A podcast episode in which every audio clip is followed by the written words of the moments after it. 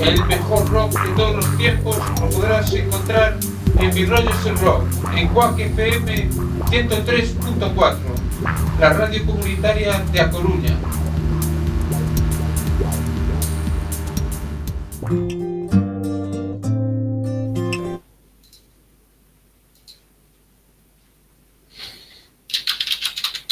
A veces los capitanes rusos viran de repente para ver si alguien les sigue. A esa maniobra la denominan loco Iván. Lo único que puedes hacer es parar en seco tu nave y esperar los acontecimientos.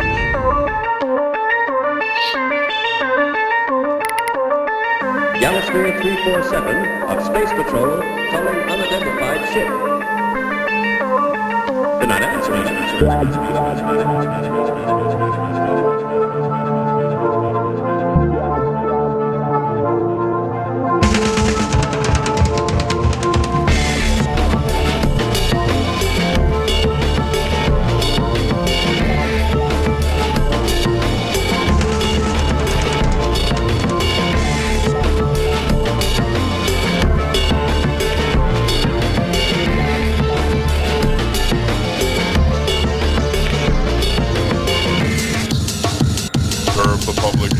protect the innocent, uphold the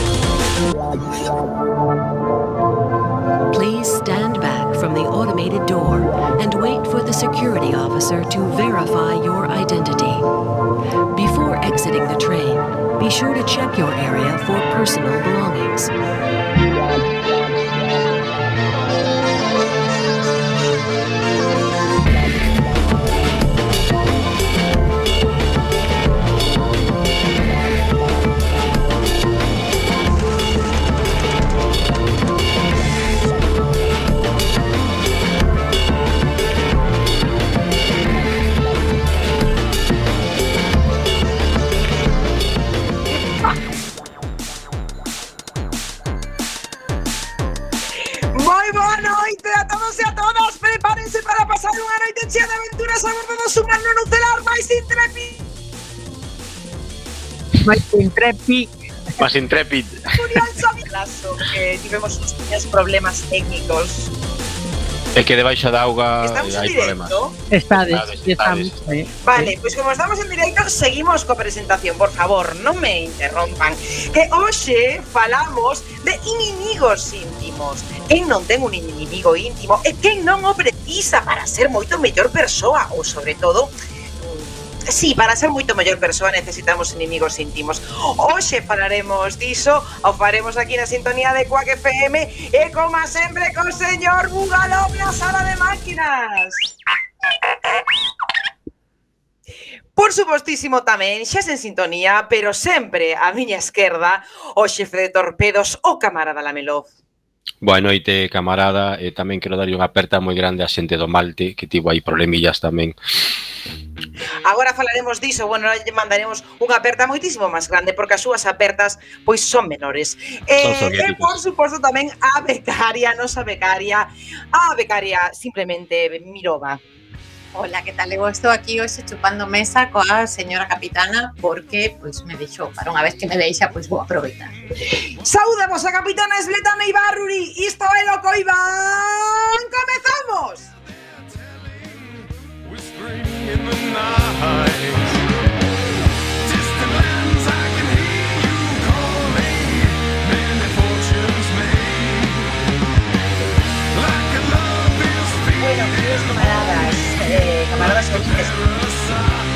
Antes de nada, antes de continuar, efectivamente, sí, mandar unha aperta grandísima dende aquí dende, dende o Loco Iván e sobre todo tamén dende Coac FM, dende a Radio Comunitaria da Coruña a os eh, as compañeiras eh, do Malte que hoxe pois tiveron un incidente que como sempre pois está en redes sociais, pois non sabemos se, se ao final iso é bo ou malo, pero bueno, eh, unha aperta moi grande para eles e que sempre o noso apoio a, aos compañeiros de, de, ese, de ese local de hostelería da Coruña que non deixedes de, de visitar vese e de, de as cervexas artesanas. Vese de todos os demais, que será, a ver, que os pisamos moito.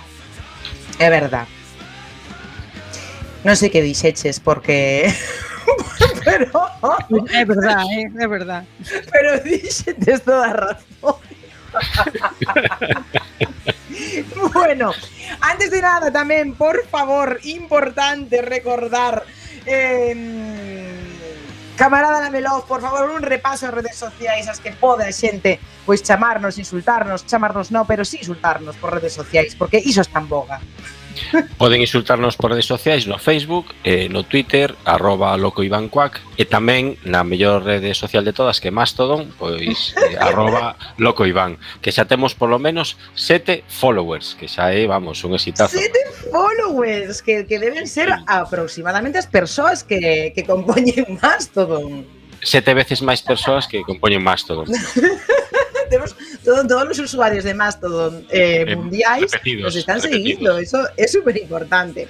Eh, Por supuesto. Bueno, eh, al lío que vamos, falamos de enemigos íntimos. Eh, camarada Lamelov, vostede Claro, a ver, é que vostede o seu inimigo é todo, é, é todo un sistema, toda unha clase social. O sea, vostede non pode ter un inimigo íntimo, ten un inimigo colectivo teño, teño un, un inimigo común, un inimigo colectivo, e, e de feito, estou pensando xa que sou eu o meu único amigo. Entón, eh, é que claro, que unha vez que empezas a entrar no, no tema dos inimigos de clase, pois pues, ao final acabas eh, quedando en solitario. Empezas cos inimigos de clase, logo vas cos inimigos de colexio, e logo así eh, vas eh, peor, cada vez vas increscendo. É que, a ver, cando empezas cos inimigos é un non parar, é dicir, empezas a facer listas e tal, e buf, non paras. Eu, vamos, eh, a Biblia, o Señor dos Anéis e o manuscrito carmesí, vamos, unha merda lá da lista que teño de inimigos, entón xa non sei. Quedei, quedei sen papeles xa para pa anotar a inimigos. Señor Bugalov, vostede de inimigos, que tal anda? Non sei, non sei, eu non sei. Non sei, porque paso moito tempo aquí no submarino. Algún verá. Algún haberá. Algún pode haber, algún pode haber. Bueno, eh, vamos a, señor eh, Lamerov, comence vostede, porque eu creo que se, al, se alguén pode falar de inimigos é vostede, así que terá moito que contar hoxe. ¿Necesitas ayuda? ¿Para qué? ¿Ya lo has averiguado? ¿El qué? ¿Quién es el mejor piloto? Creo que podré averiguarlo yo solito. Eso me han dicho de ti, que te gusta trabajar solito. Bueno, foi unha das películas coido que máis nosentas da historia das películas nosentas, da nosenta propaganda estadounidense durante a Guerra Fría, pois é Top Gun, que seguramente coñecedes. Pois foi estreada no ano 86 e dirixida por Tony Scott e contaba a historia dunha suposta Academia do Aire estadounidense onde os pilotos de élite se adestraban e amosaban a súa superioridade sobre inexistentes avións MiG-28 soviéticos. A película protagonizaban Tom Cruise facendo de Maverick, que estaba ao mesmo nivel de patetismo da película, Val Kilmer, que tamén era bastante patético en sí mesmo, eh, facendo de Iceman, que era o que se medía a pirola con Maverick. E logo estaba Kelly McGillis, que pasaba por ali. Durante toda a película, por chamarlle de algún xeito, pois estes dous rudos pilotos estadounidenses competían por ver quen era o mellor de todos. Unha batalla de galos cunha rivalidade tan intensa como patética. Non? Tratábase de pura propaganda, era na época de Reagan, e a película serviu para que se alistara un porrón de xente na armada estadounidense. Non? E para vender unha chea de F-14 Tomcat a todo o país que houvese por aí con cartos a bondo. Tamén, sí, aparte que, bueno, o F-14 susto non era o rol que tiña cometido na película, pero bueno, eh, saberán o que venderon por aí. Pois, de feito, é unha película na que a Armada estadounidense apoiou totalmente eh, precisamente por esa propagandística lles interesaba, pues, cedendo gratuitamente os avións e os pilotos para as escenas. No? O exército e a armada, bueno, o exército estadounidense eh, sempre, digamos, que tiña unha especie de comisión de censura, esas películas interesaban, as apoyaban totalmente, e se non, pois non daban ningún can, nin deixaban utilizar os seus o material e todo. Non? E a produtora só tivo que costear o combustible, que, que pouco non era, pero que, digamos, os avións pois, eran son cazas, son carísimos, entón, pois, eh, digamos que asumiu o exército ese, ese custe. Ten fantasmadas acentos, todas propagandísticas na época, non? na que, como se dicía, pois, digamos, o presidente, eh, os avións os F-14 facían manobras imposibles que non poden facer eh, na realidade, pois en plan así humillando aos rusos, que os rusos ademais levaban eh, MiG-28 que non existen, eses avións nunca existiron, eh, e aparte na película non eran ni sequera MiG, eran avións F-5 eh, estadounidenses disfrazados pois, con estelas vermellas e cor negra, non? unha cor pois, que tampouco usaron nunca os soviéticos, salvo en prototipos. Bueno, pero resulta que a pesar de que... Como podes saber todo isto? O sea... E a ver, na, a súa idade na sala de torpedos dá para aprender moitas cousas. entón, pois, en fin, eh, aburrimento xa sabe o, o que fai. Bueno, pero a película non era tan ñordo como semellaba. Eh, gracias a Quentin Tarantino, pois que nos abriu os ollos para ver que realmente eh, pois estamos ante unha xenalidade disfrazada de pastiche, non? Unha das, como di el, pois un dos eh, guións máis señais de toda a historia do cine. Resulta que Top Gun non é unha película dun montón de heroicos pilotos machitos mascachapas, senón dun home loitando contra a súa propia sexualidade. Eh, Maverick está por un lado, pois eso, rozando, rozando a liña, está ni que vai para un lado nin para outro, mentras que Eisenman, que Val Kimmer, pois a súa xente representan pois o, o mundo e o lado gay, non? Entón, claro, pois Maverick está que non sabe moi ben cara onde ir. Entonces, pues eso, la, película aparece mogollón de escenas de cuerpos musculados, esfuerosos, con toallas cubriendo levemente a sus mm. partes no baño. Comiendo Comiendo ostras. comendo ostras, abrazándose nos partidos esos de volei playa, tamén os corpos sudorosos, moito vapor polo medio, que eso sempre axuda a que Eso sempre dá, claro. Dalle calidade, claro, dalle calidade. Da calidade e tal. Entón, bueno, pues todas estas esteas así, que son obviamente pues de un dunha alta carga erótica, pois eh, digamos que representan pues eso, un pouco a tentación, non? Iceman é a tentación do lado gay eh, Del digamos, lado de... Claro, claro, é que lle di a Maverick ven, este é teu sitio abandoa teus presuicios e ven con nós e tal, pero eh, claro Unha cousa, perdón, porque eu non, non recordo xa moi ben Top Gun eh, afortunadamente, pero eh, Sin que houbera moito que lembrar, eh? tampouco Sí, sí pero sí, sí. Eh, eh, esta era esta era a película na que era esta na que Tom Cruise se liaba cunha cunha señora e, e, e hacían eh, se botaban como comida, eh, se refregaban no, como comida na miña mente. Tu dis nove semanas e media, quizáis, era Michael. Non, o White Chat No, no, no, no, joder. eh, No, aquí no, hai no, comida. no. Hai máis películas feito- Tom Cruise se refrega No, no, no, no, pero que me acordo porque O de fe. non era cóctel tampouco. É que, é que recordo que fixeron unha, unha, unha parodia nunha das, eh, das eh, películas de Aterriza Hot como Shots. Ah, sí, de Hot Shots, es, efectivamente, Hot na que, na que eh, se fritían ovos na, no bandullo encima. O sea, que aí, aí había un remake de, de, de, de varias pelis. Sí, de varias pelis. Non só de Top Gun. No, de ah, feito, De feito, Kelly McGillis, que era a, a prota femenina, que digamos que é a parte heterosexual, vale? A Iceman é a parte gay, ele é a parte heterosexual. É a que lle di, digamos, a que fai de contrapeso, é a que se enfronta, bueno, non se enfronta directamente, pero a que lle di, non, non vayas con Iceman, non vayas para o lado gay, ven conmigo, que son aquí a, a super no, Eu dicir que dicir Kelly McGillis e eh, contrapeso na mesma frase pareceme de moi mal gusto, camarada. Bueno, daquelas, daquelas teño que dicir, aparte de tal que Kelly McGillis daquelas era unha unha, vamos, era un mito un, un idol sexual total, vale? Digamos, é unha, é unha muller pois pues, que Agora é unha muller normal da súa idade. Eh, o que ah, pasa é que non é como Tom Cruise que está recauchutado, e, eh, eh, eh, falaremos noutro momento. Agora estamos claro, en contra da xente plasticosa. Agora bueno, que estamos aquí falando... hai un camiños, uis. Estamos falando do ano 86, e digo que daquelas, pois, eh, que Lima era un icono sexual, base, prácticamente, non? Entón, bueno, pois pues, ela lle dicía a, a Maverick, pois pues, non, non vayas, o teu sitio está aquí, Eh, e entón, claro, pois pues, na película pois pues, Maverick dubida, o que dubida. Pasa que, o que pasa que ten bastante coña isto de que de que o lado o lado gay, como ti dis, fose Val Kilmer e non Kelly McGillis que sí que é gay. Bueno, pero é unha película, así, aí está ah, interpretando bueno, cada un interpreta o que quer. Eh, dándolle voltas, voltas. Eu non me meto na vida. Non permitas que a realidade che estropee unha boa historia. Claro, pero que a, a película é a, a que to, cada un pode facer un papel o que do que queira, non? Entón, bueno, hai máis exemplos, por exemplo, Maverick, hai unha nunha escena de película que se vai a casa con ela, toma unha ducha aí e xa parece que van a ver aí, pois eso, un pouco de pitufamento, pero resulta que non.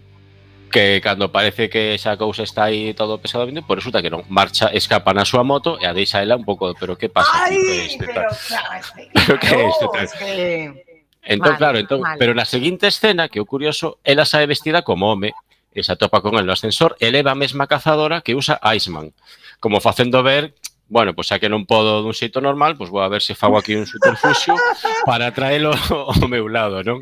A entón, ver. aí ves como ela se esforza por intentar achegalo. Mira, esta, esta teoría está ben, está ben, pero me recorda a cando a teoría de Alien, que aquí se comentou sobre... pero que te, pero que logo cando vexades esa película, se algunha vez a vedes outra vez, saberedes como non a vedes do mesmo xeito, porque, Hay bueno, que vela cos ollos. A teoría, a teoría non é miña, eh, porque eu no momento que, que a vin pareceme propagandística, pero foi eso, xa, que Tarantino que me abriu os ollos. E eh, de feito, bueno, cando, cando chega o combate final, nas escenas de avións que, que pues, repres, resulta que representa a loita entre o lado gai, que son os pilotos estadounidenses, e o lado tero, que son os mix soviéticos. Entonces, a final resulta que, bueno, o lado gai gaña aos, aos, aos rusos, entón así, pues que despois de, de todo o super mega combate final, cando os pilotos norteamericanos meses están celebrando a vitoria.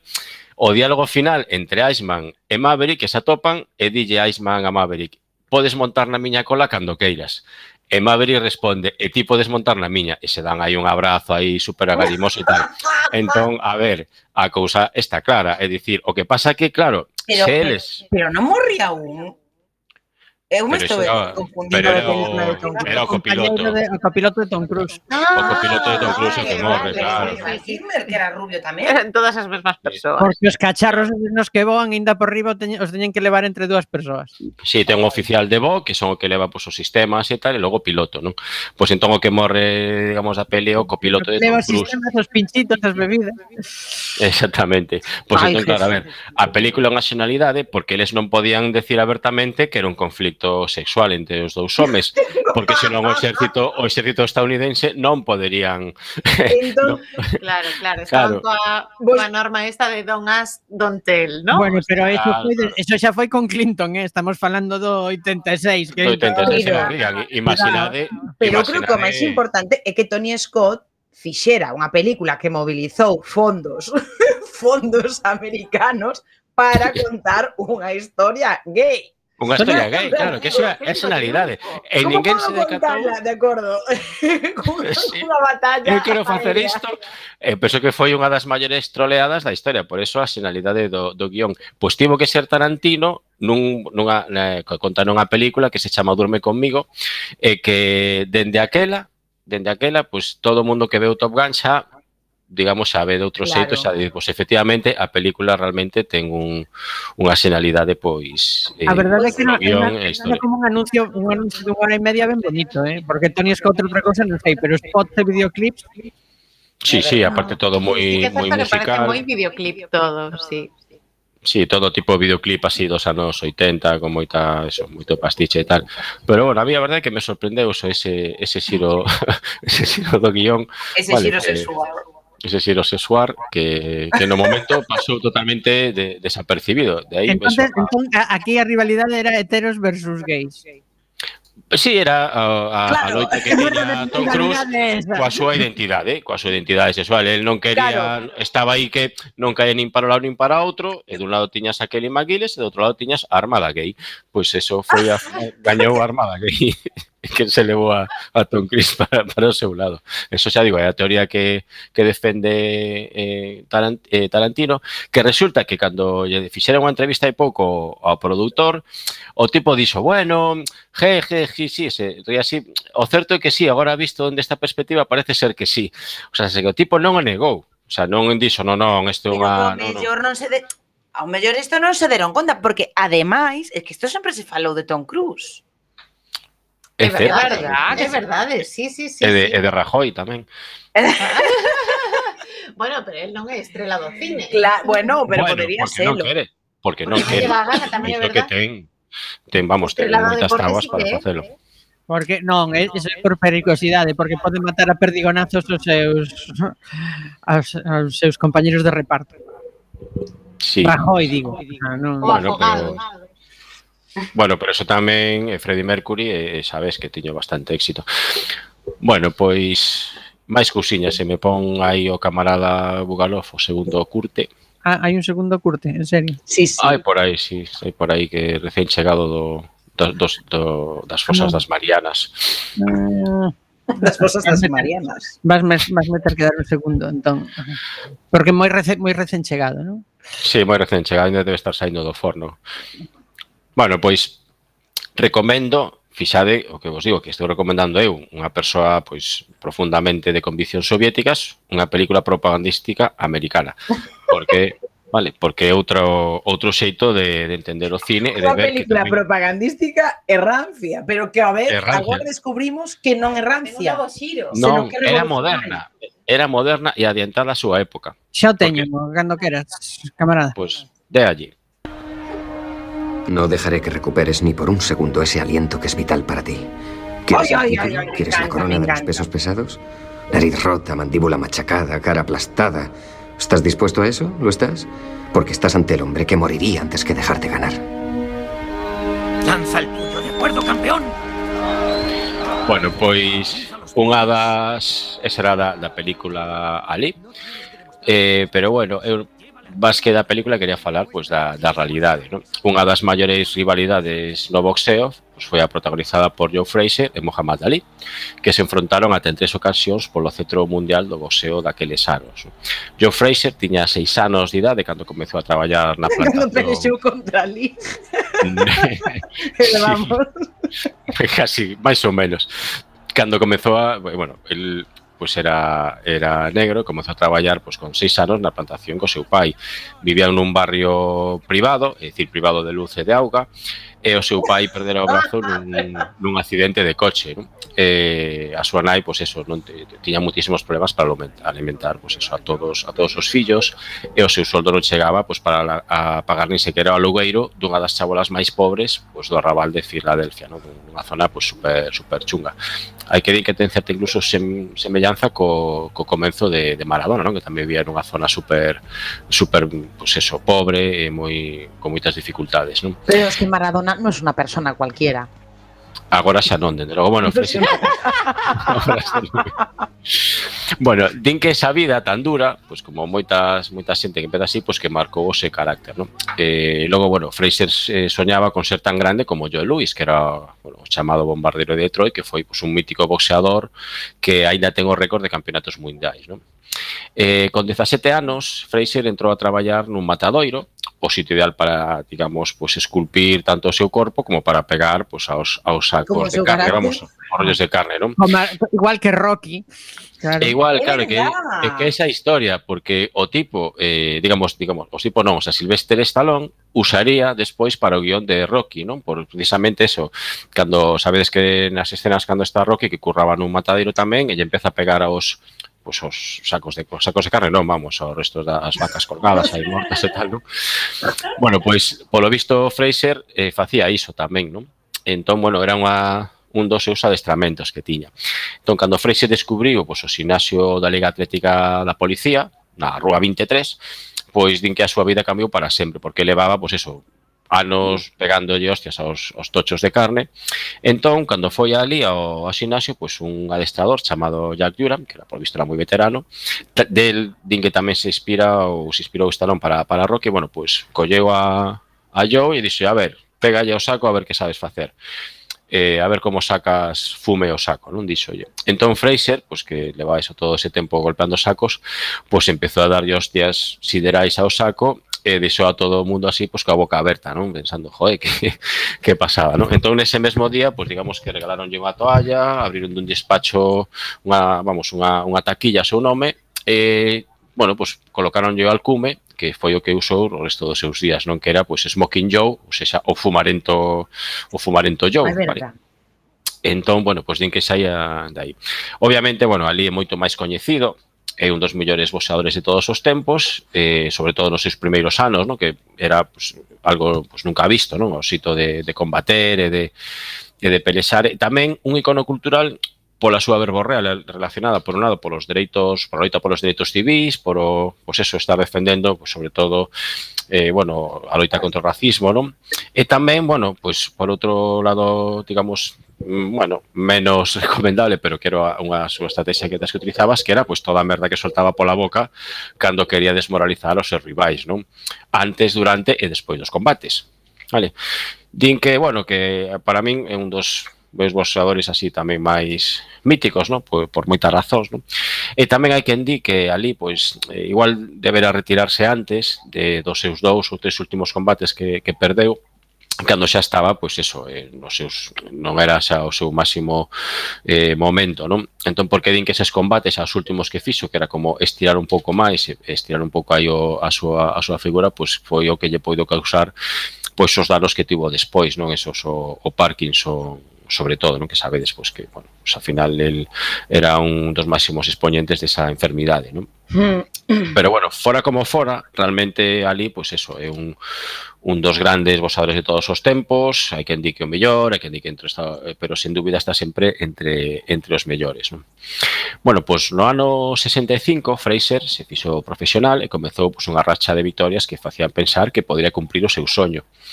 Pero entón Bueno, pois pues el se tivo, creo que era 21 a pico de, de o 22 combates, non? Sen, sen perder. Eh, e, e bueno, xa hai quen decía que podería igual pois, pues, competir polo, polo campeonato do mundo. E sucedeu pois, pues, o que ninguén imaginaba nese momento.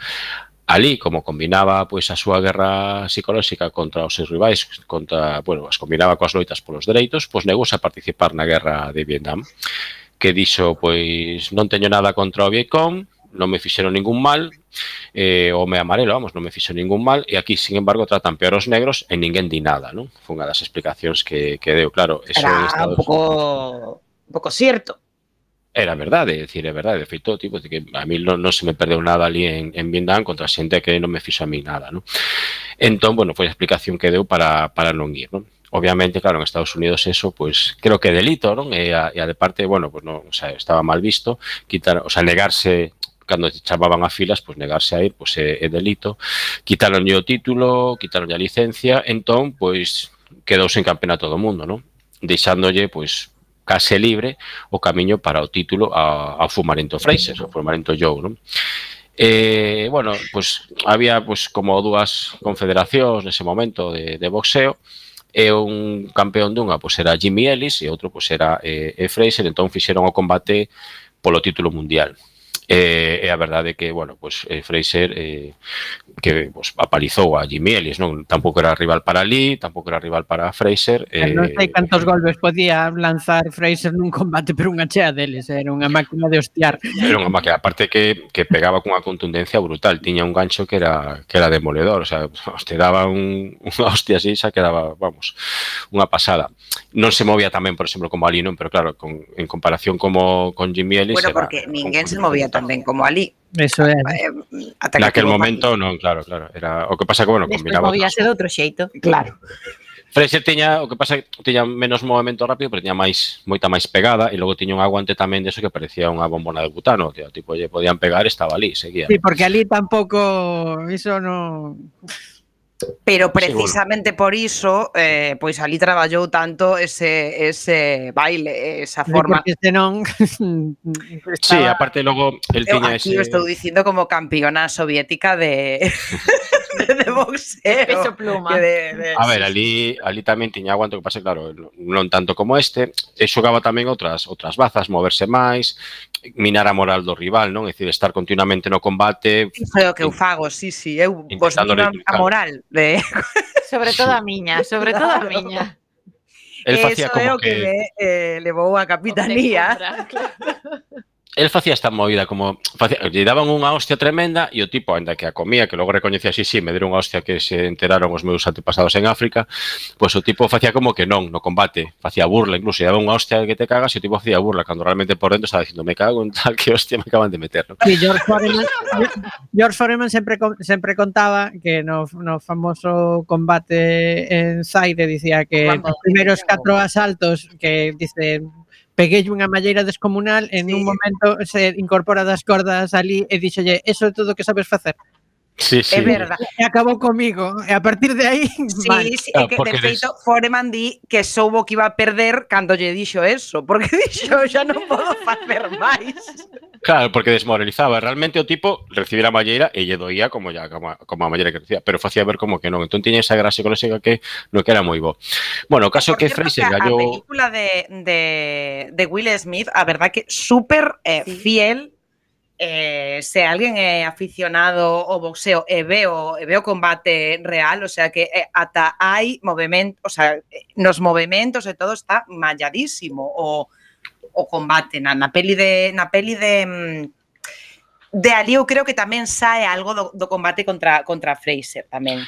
É que eu non a vin, teño gañas de vela, pero si sí vin algunhas imaxes e polo visto si sí que din que os combates eran moi técnicos. Teño que teño que botarlle un ollo. A verdade é que bueno, esa película está está moi ben, o sea, recolle así bastantes episodios da súa vida que si son, o sea, para ser o que é, pois é un biopic que está bastante ben feito, si. Sí. Pois pues teño teño que botarlle. Teño a nosa aprobación. A nosa aprobación. Bueno, caso que eh, Fraser o título mundial enfrontándose, pois eso, eh, a un, boxeador que realmente pois non era non era rival, pero bueno, eh, gañou e quedou campeón del mundo, que era Ellis, non? Entón, claro, eh, que pasa? Que gañou o campeonato do mundo sen estar ali. Entón, a sombra era moi pesada. e Os realistas empezaban a dicir dese rollo veña que gañara o título, pero porque non estaba ali e tal, e que entón, pois mira, que era un título pois que sí, non que vale, que moi ben. non xogaba Messi. A ver, tamén fora xa fora campeón olímpico tamén, quer dicir, tamén sí, un pouco, eh. Que ademais fora este, cando o tipo fora campeón olímpico, eh, chegar a volver a Estados Unidos pensando que iban recibir como pues es un campeón olímpico y tal, en ningún puto caso. O sea, trataron de, de, de tipo, no, trataron como una merda, como si fuera un, un tirado aí e tal. De feito, tivo problemas económicos tamén, incluso despois de gañar as Olimpiadas. Bueno, pois pues, o caso que o tipo, despois de gañar o título, todo, todo o mundo estaba diciendo, oye, Ali, Ali, por que non combates con Ali e tal? E o tipo dixo, mira, eu vou, vou dedicarme ao rock and roll durante tres anos ata que ese tal Ali do que falades, Ali Clay, dicía aí, porque dicía que no, como que era de que como que era de chamarse, pois pues pode lotar conmigo, non? E eh, realmente Fraser pois cumpriu a súa promesa, botou un grupo de rock chamado Smoke and Fraser and the Knockouts, decir, os, bueno, eh, como se chama os eh, os knockouts é como cando quedas inconsciente, non? Pues é, o, é o cao, fora de o combate. Cao, sí. Como se, di, como se diría, bueno, pues que fora quedas de fora de combate, fora de combate, exactamente.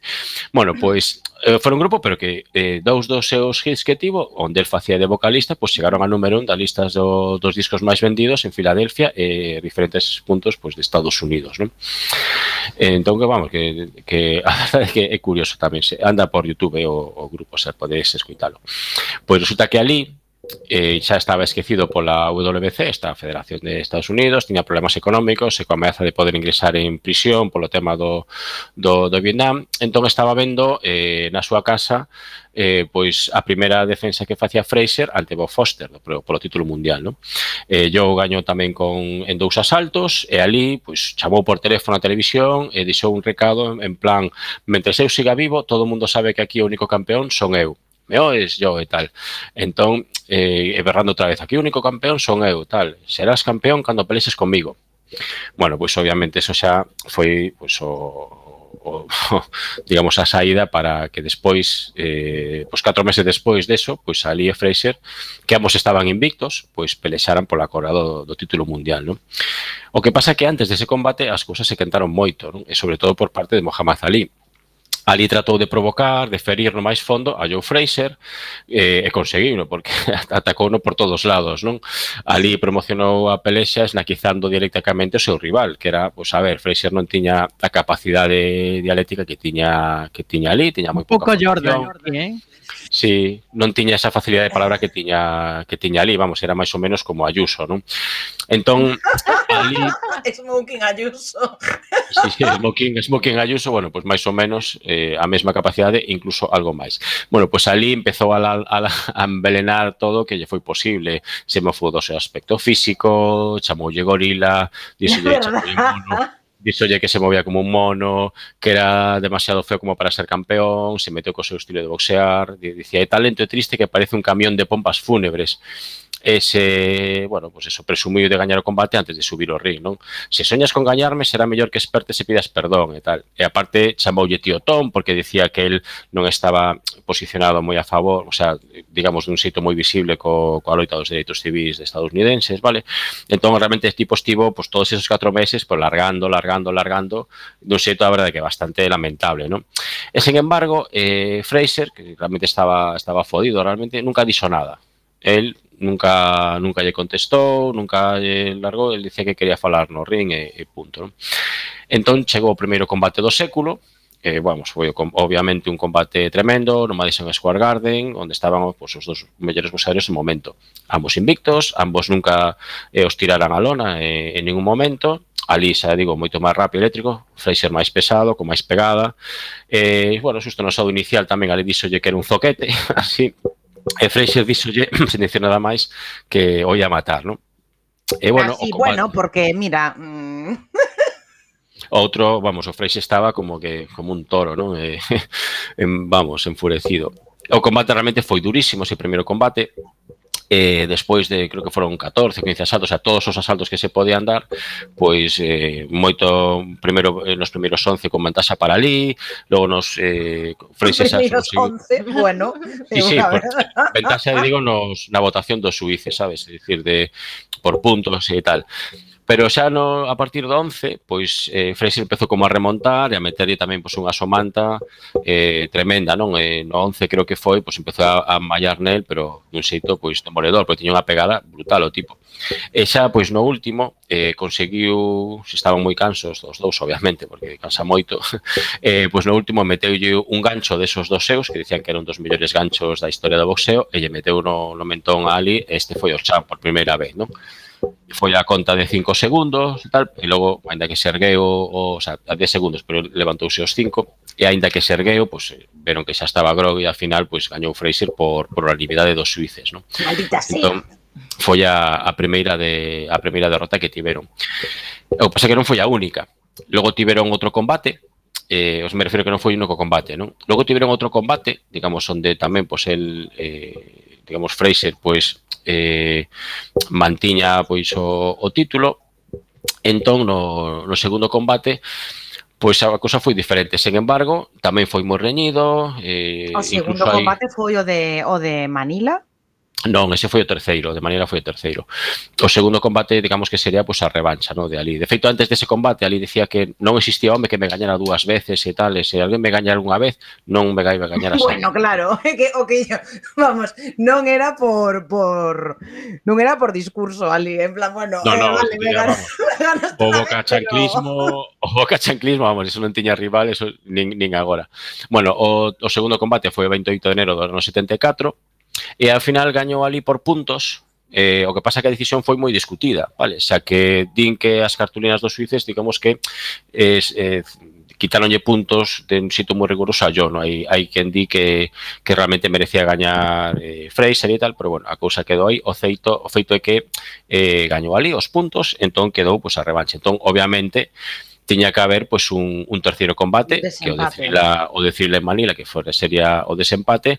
Ese penso que foi un dos combates da historia máis dura do boxeo. Podedes velo tamén en Youtube que está aí pero sí, foi tremendo. feito, eh, eu non recordo eh, que boxeador foi fai pouco que el comentaba un boxeador profesional que se que hoxe en día ese combate pois non, vamos, que se tería parado moito antes e non chegaría bueno, a, a, ao tempo que durou nin o estado no que no, no que, estábamos dous. Contendentes. Sí, de feito, bueno, ese combate ao final, bueno, gañou tamén ali por cao, por cao técnico, porque o, o equipo de, de Freixo tirou sí. a, a toalla, pero que podría ter gañado calquera dos dous, porque realmente estaban ao final eh, os Bueno, dous... pero Fraser sempre se conta que quedou como medio chosco dese de combate, non? O... Despois, sí, bueno, eh, porque eh, eh, din tamén que e foi unha das consecuencias de que logo ali tivera Parkinson foi este combate, non? Porque houve un momento no, no combate que ali estivo pero aguantando unha cantidad de golpes que é increíble, decir, como se pode aguantar semellante semellante cantidad de golpes sen caer, non? Eh, entón din que tamén, bueno, o, o caso é que eh, ao final eh, pudo gañar calquera, e quen di tamén o que dicía a capitana que terían que ter parado o combate moito antes, non?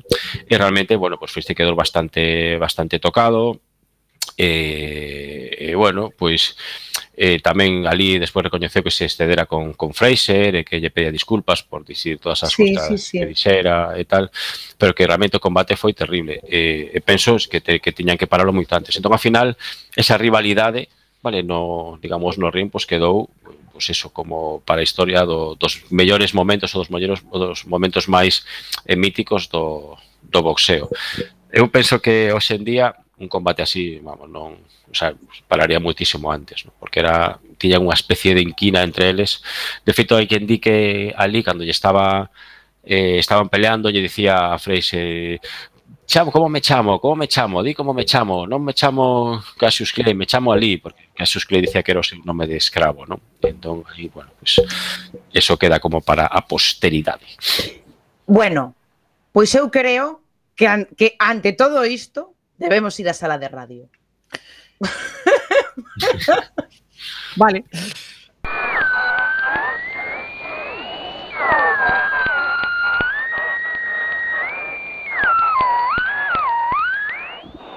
Pois eu traio unha rivalidade de verdad. Non nada de Beatles, Stones, estas cousas que ao final era todo mentira. Ah, esto, porque eso podía ser eh, un recurso. Non, porque era todo mentira, se levaban ben. Eh, ao final que era verdade por outra parte. Claro.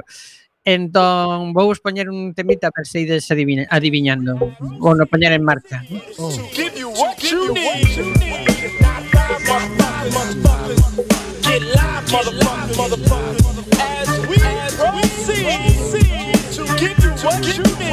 Estamos falando da costa oeste contra Efectivamente, efectivamente Este tema é Notorious Big ou a, ou a súa canción Custodia que estaba dedicada a Tupac.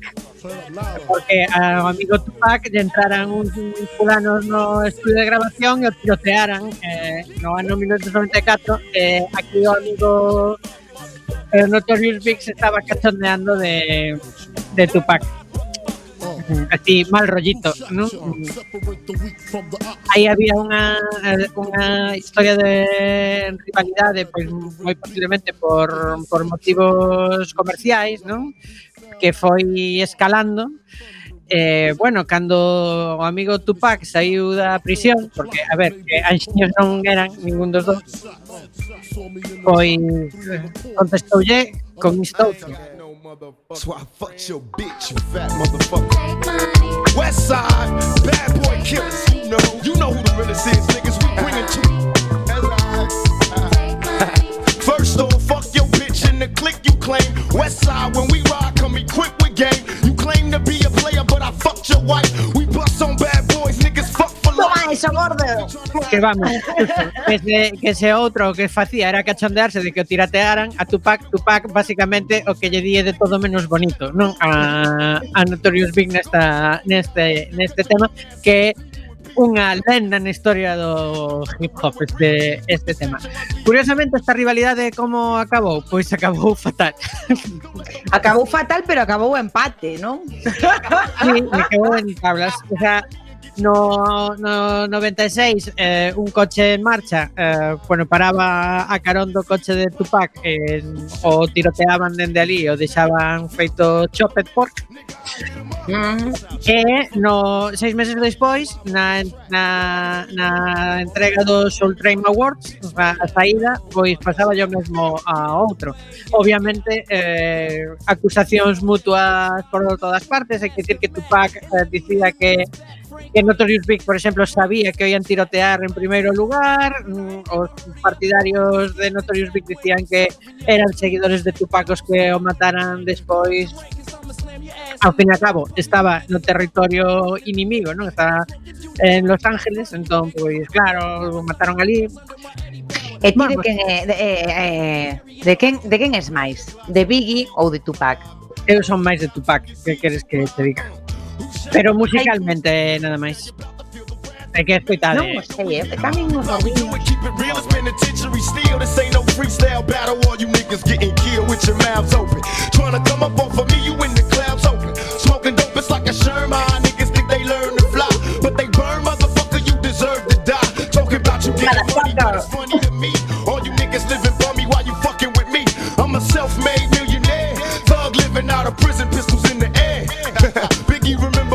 Pero bueno, que por sorte se superaron xa esas liortas porque así non quedaba moito rap con ese con estes usos e costumes. E por mí xa estaría. Ah, hai unha, por certo, que hai unha hai unha serie en, en Netflix da rivalidade sí, sí, sí. de Biggie e Tupac. Eh, pero non sei como se chama. Non sei, pero Vina eh, non me pare, eh, pareceu bastante entretida, pero bueno, é eh, que é unha madrugada Esto todo me parece estupendo. Bueno, eh, señora Mirova, eh, tócalle, que quere falar? Pois eu, xa que estábamos a falar aquí de inimigos mm, senlleiros e destes de toda a vida e demais, pois eu eh, o que quería era falar deses primeiros inimigos que facemos cando somos cativas e cando somos cativos, porque eu eh, bueno, e estou segura de que vos tamén, eu tiña, cando era cativa, como eh, eh, Maggie Simpson tiña de inimigo o bebé unicello, este que, que o que se levaba super mal na escola infantil, pois eu tiña un inimigo na miña escola que era Juanito, que xa tiña nome de malo, que era pois, o típico neno que, que era un repugnante e que che facía a vida imposible. Entonces eu o meu, o meu microespazo neste programa era para preguntarvos a vos eh, pois quen era o voso primeiro inimigo, ese primeiro inimigo do que vos lembrades seguro, seguro, porque eu a Juanito teño ya xurada para o resto da miña vida, porque o primeiro que me fixo, aparte de pasarse toda a escola infantil levantándome a saia, foi roubarme a bolsa da merenda. Juanito, non che perdoo que me roubases a bolsa da merenda bordada na que puña Antía e que paseases todo o resto do curso coa bolsa da merenda bordada na que puña o meu nome. O meu nome eh, fora deste, teu nome... deste gran espazo. o nome ficticio. O meu nome fora do submarino. Pois entón quería preguntarlle primeiro a sellerísima capitana quen era o seu primeiro inimigo. Oh, no, prefiro non falar deso. porque non recordo o nome da rapaza, recordo o nome que lle puxen, e non é... eh, eu como feminista... No, no, no, no, claro, eu como feminista eh, quero dicir que a capitana pequena xa era bastante, bastante bastante maligna. Entón no, no podo dicilo. Eh, non está ben, non está ben o nome que eu lle puxen a esa rapaza e eh, me, me arrepinto. Pero terías os teus motivos. Eh, sí, sí, sí, pero me arrepinto moito e eh, eh, non. Entonces vou seguir cos... A ver, eh, eh, eh, eh, bueno, Que che fixo? Conta. No, no, no, no, non recordo. Sinala no Moneco, donde No no, no, non recordo, non recordo. Non recordo, non, non recordo, pero sei que lle tiña moita moita moita manía. Entón, pois nada. Pode ser que lle chamara a foca. Bueno, pero pode ser porque palmease así coas mans Claro, claro, pero- Pode ser por grandes motivos, claro. Lle gustaban as sardiñas ou algo, ou facía acrobacias Sí, sí, sí, sí, sí, sí, pero bueno. eh, ás veces a capitana tamén falla. Ah, como eh, motherfucker, claro. non, non vades... Eh, non, non, non tiñades inimigos infantís, entón, vos... Mm. Non pode ser, son eu a única que acumula unha mochila de odios dende a infancia. É que eu, a ver, é que eu, por exemplo, inimigos eh, desaparecía misteriosamente os inimigos que... que non sei non sei por qué, decir, eu lembro que, que había xente que, pues, que me levaba mal, eh, misteriosamente deixaban de, de vir a, ao cole. Nos nosos no, lugar, no lugar do que eu proveño, a iso chamábaselle zapatos de cemento. Zapatos de cemento e acabar na ría. Eu non sei. falando de nenos, non poder. Porque, porque, eu, que eu xa de neno, xa de neno se apuntaba maneiras, non? É dicir, eu casualmente, porque eu realmente non, non facía nada, e eu ao colexo tranquilamente, e sei que, sei que que a xente, pois algunha que por erro, por erro, por equivocación, por non saber que quen era eu, pois se metía comigo, non? E eh, bueno, pois nada, despois de falar educadamente educadamente con eles e tal, pois non sei por qué deixaban de vir ao, ao colexo e logo preguntaba por ese, que foi de, de fulanito e tal, e a xente xa non lembraba que, que, que era esa xente. non lembraba dese neno. Non Estaba en algún tipo de gulag infantil cos seus mandilóns. Podería ser, podría ser que hubiera pues, o algún tipo de, de cova que hubiera por debaixo do colexo que a xente desaparecera por aí, non sei.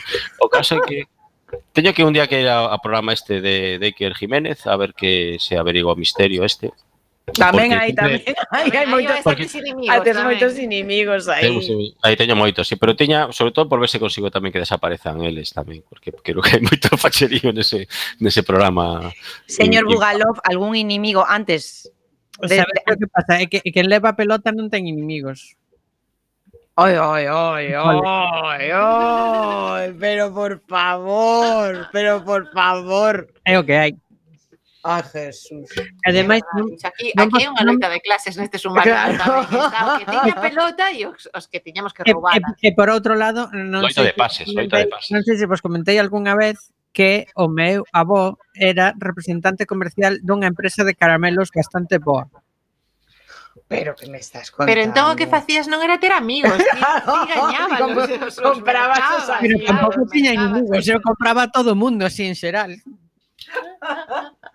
Bueno, eh, teño por aí, ah, non sei se, se está aí no, no un corte, pois pois a ver se sabedes que rivalidade é esta.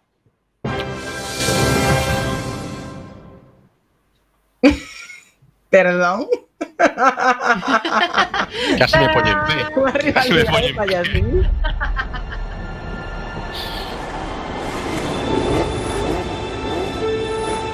Estáis escoitando el burrumbor de fondo. Non sei se o estades pillando xa. Cuanto más cerca estás de morir, más vivo te sientes. Eres James, ¿verdad? Sí. ¿Quién es ese? Es Nicky Lauda. Acaba de fichar por Ferrari. Ah, bueno, Pero si ya no es sabes. Abrázame fuerte. Mírale, conduce como un abuelo. Si ya te tengo aquí, ¿para qué ir rápido? Porque yo te lo pido.